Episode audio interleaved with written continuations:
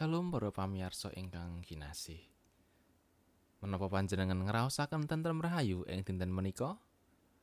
Sumangga kita saos syukur dumateng Gusti. Awit berkahipun ingkang tanpa kendhat saben dintenipun. Ing wekdal menika kita ugi sesarengan badhe maos pangentinganipun Gusti. Nanging saderengipun sumangga kita ndedonga. Doalah pangeran ingkang dedampar ing kraton swarga mulya. Agenging pamatur nuwun kawula njukaken ing ngarsa paduka. Awit sedaya berkah lan pangrimat saking paduka ing sauruting gesang kawula. Menawi sakmenika kawula sampun sumadyo ngegilut sabda paduka.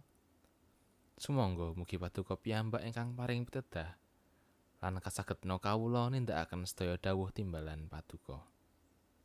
Matur nuwun Rama. Sakataing dosa kawula, mugi paduka kersa paring pangapunten.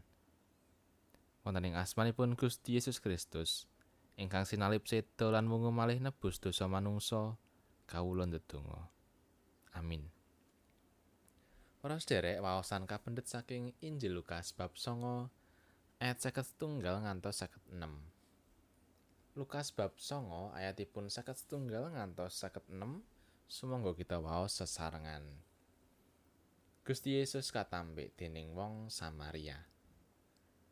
Bareng wis cedhak wektune anggone bakal kasengkaake menyang ing swarga, Gusti Yesus banjur nggalih arep tindak menyang ing Yerusalem. Tumuli ngirimake utusan sawetara kang disiki panjenengane.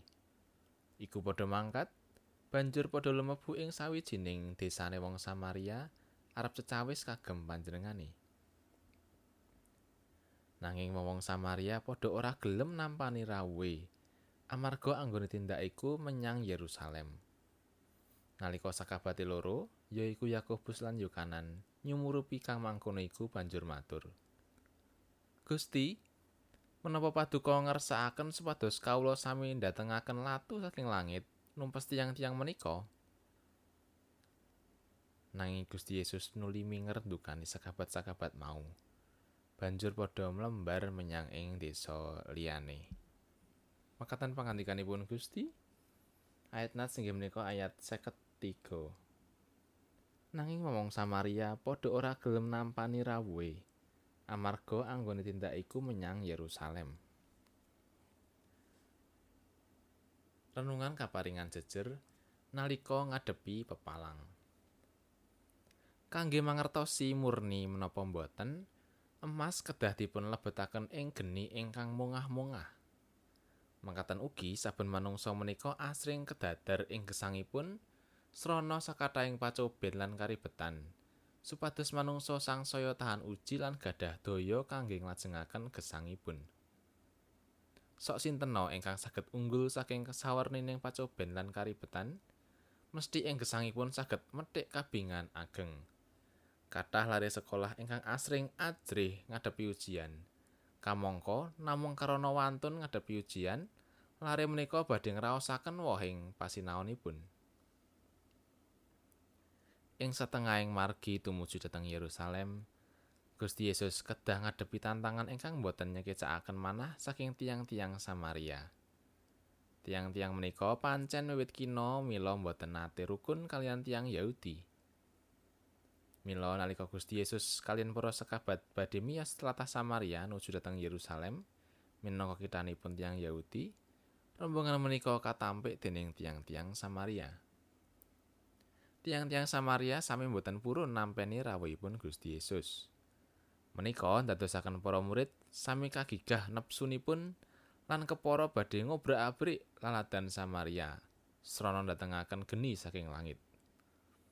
Pirsa ingkang mekaten Gusti Yesus lajeng ngawisi para murid nindakaken bab menika. Tantangan menika boten kedah kasirnakaken, nanging kedah dipun adepi kanthi kawicaksanan kinantenan kapitadosan ingkang kiat. Mbok kita ugi nate kagodha kanthi gagasan nyingkiraken tiang-tiang ingkang damel pepalang utawi nuwuhaken kangelan menapa dene kasangsaran ing gesang kita. Utawi kita malah ngetuni kawontenan kita ingkang asring nemai kangelan-kangelaning gesang. Sumangga tansah nyaket Gusti Allah lan nyuwun supados kapitadosan kita kiniyataken satemah kita kaparingan kawicaksanan kangge lumampah ing marginipun gesang ingkang kebak watu lan rinipun amin